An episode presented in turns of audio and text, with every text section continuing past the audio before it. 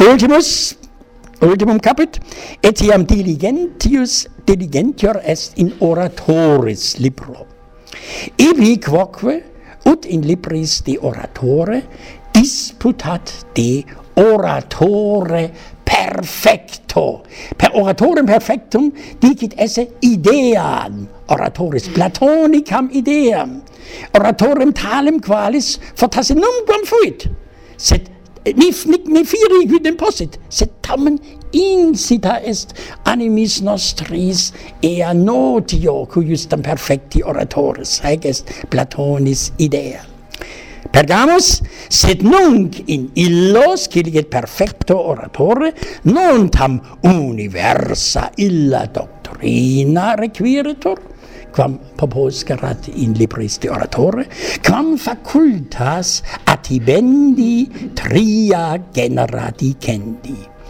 Esse enim genus tenue quod appellator etiam humile de inde genus medium quod est etiam moderatum et vehemens it est grande Genus humile habet usitata verba, non est ornatum, mediocritor ornatum est genus medium, genus vehemens, omni apparatu figurarum et verborum excellit. Quod non fuit novum haec, doctrina non nova erat, sed antiquitus traditum fatassiam Theophrastus et praecipit, cicero autem audactor haec tria genera. Nunc audite. Humil ten metenue medium vehemens. Conjungit cum tribus modis persuadendi, quos Aristoteles invenerat. Scilicet, rem sive rationem ipsam autos hologos ratio. Mores digendis, ethos, perturbationem animorum, sive affectus. Quas cicero vocat rationes docendi, autos logos, delectandi, olim rectius veterat conciliandi. Di hac differentia non non dicam, ethos, per movendi patos. Uh, nunc, ad ultimum veniamus, ad docendum aptissimum esse dicit genus tenue. Tocemus, id est uh, si herciges primus modus aristotelicus, docemus genere tenui.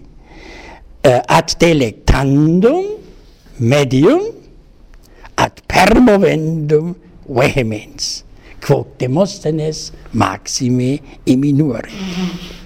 Nun dite, peccare igitur practicos illos contra ipsa officia oratores.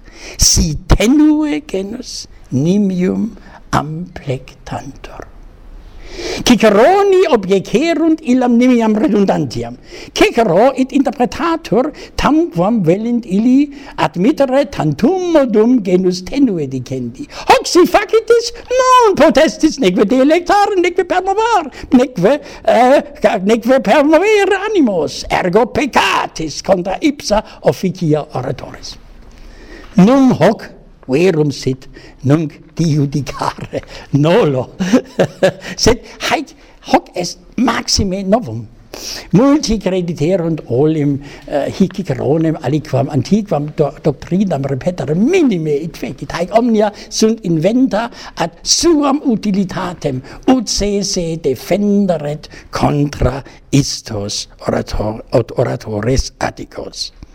Ultimum ac mirifica sunt, quae hic de numero oratorio dicit. Nemo ante Ciceronem, paucissimi post Ciceronem, doctius de numero, prosarithmus, de numero oratorio disputavirent. Mirumst hoc facere hominem in media republica versante. Mi Mirificum id est, et ciceronem, id facere, quam quam interdum erat. Id demonstravit Tadeus Zilinski, qui numeri oratorii etiam peritio erat, quam cicero ipse. Proxima scola dicemus de oratoribus aetatis imperatoriae et ultima scola de Christianis.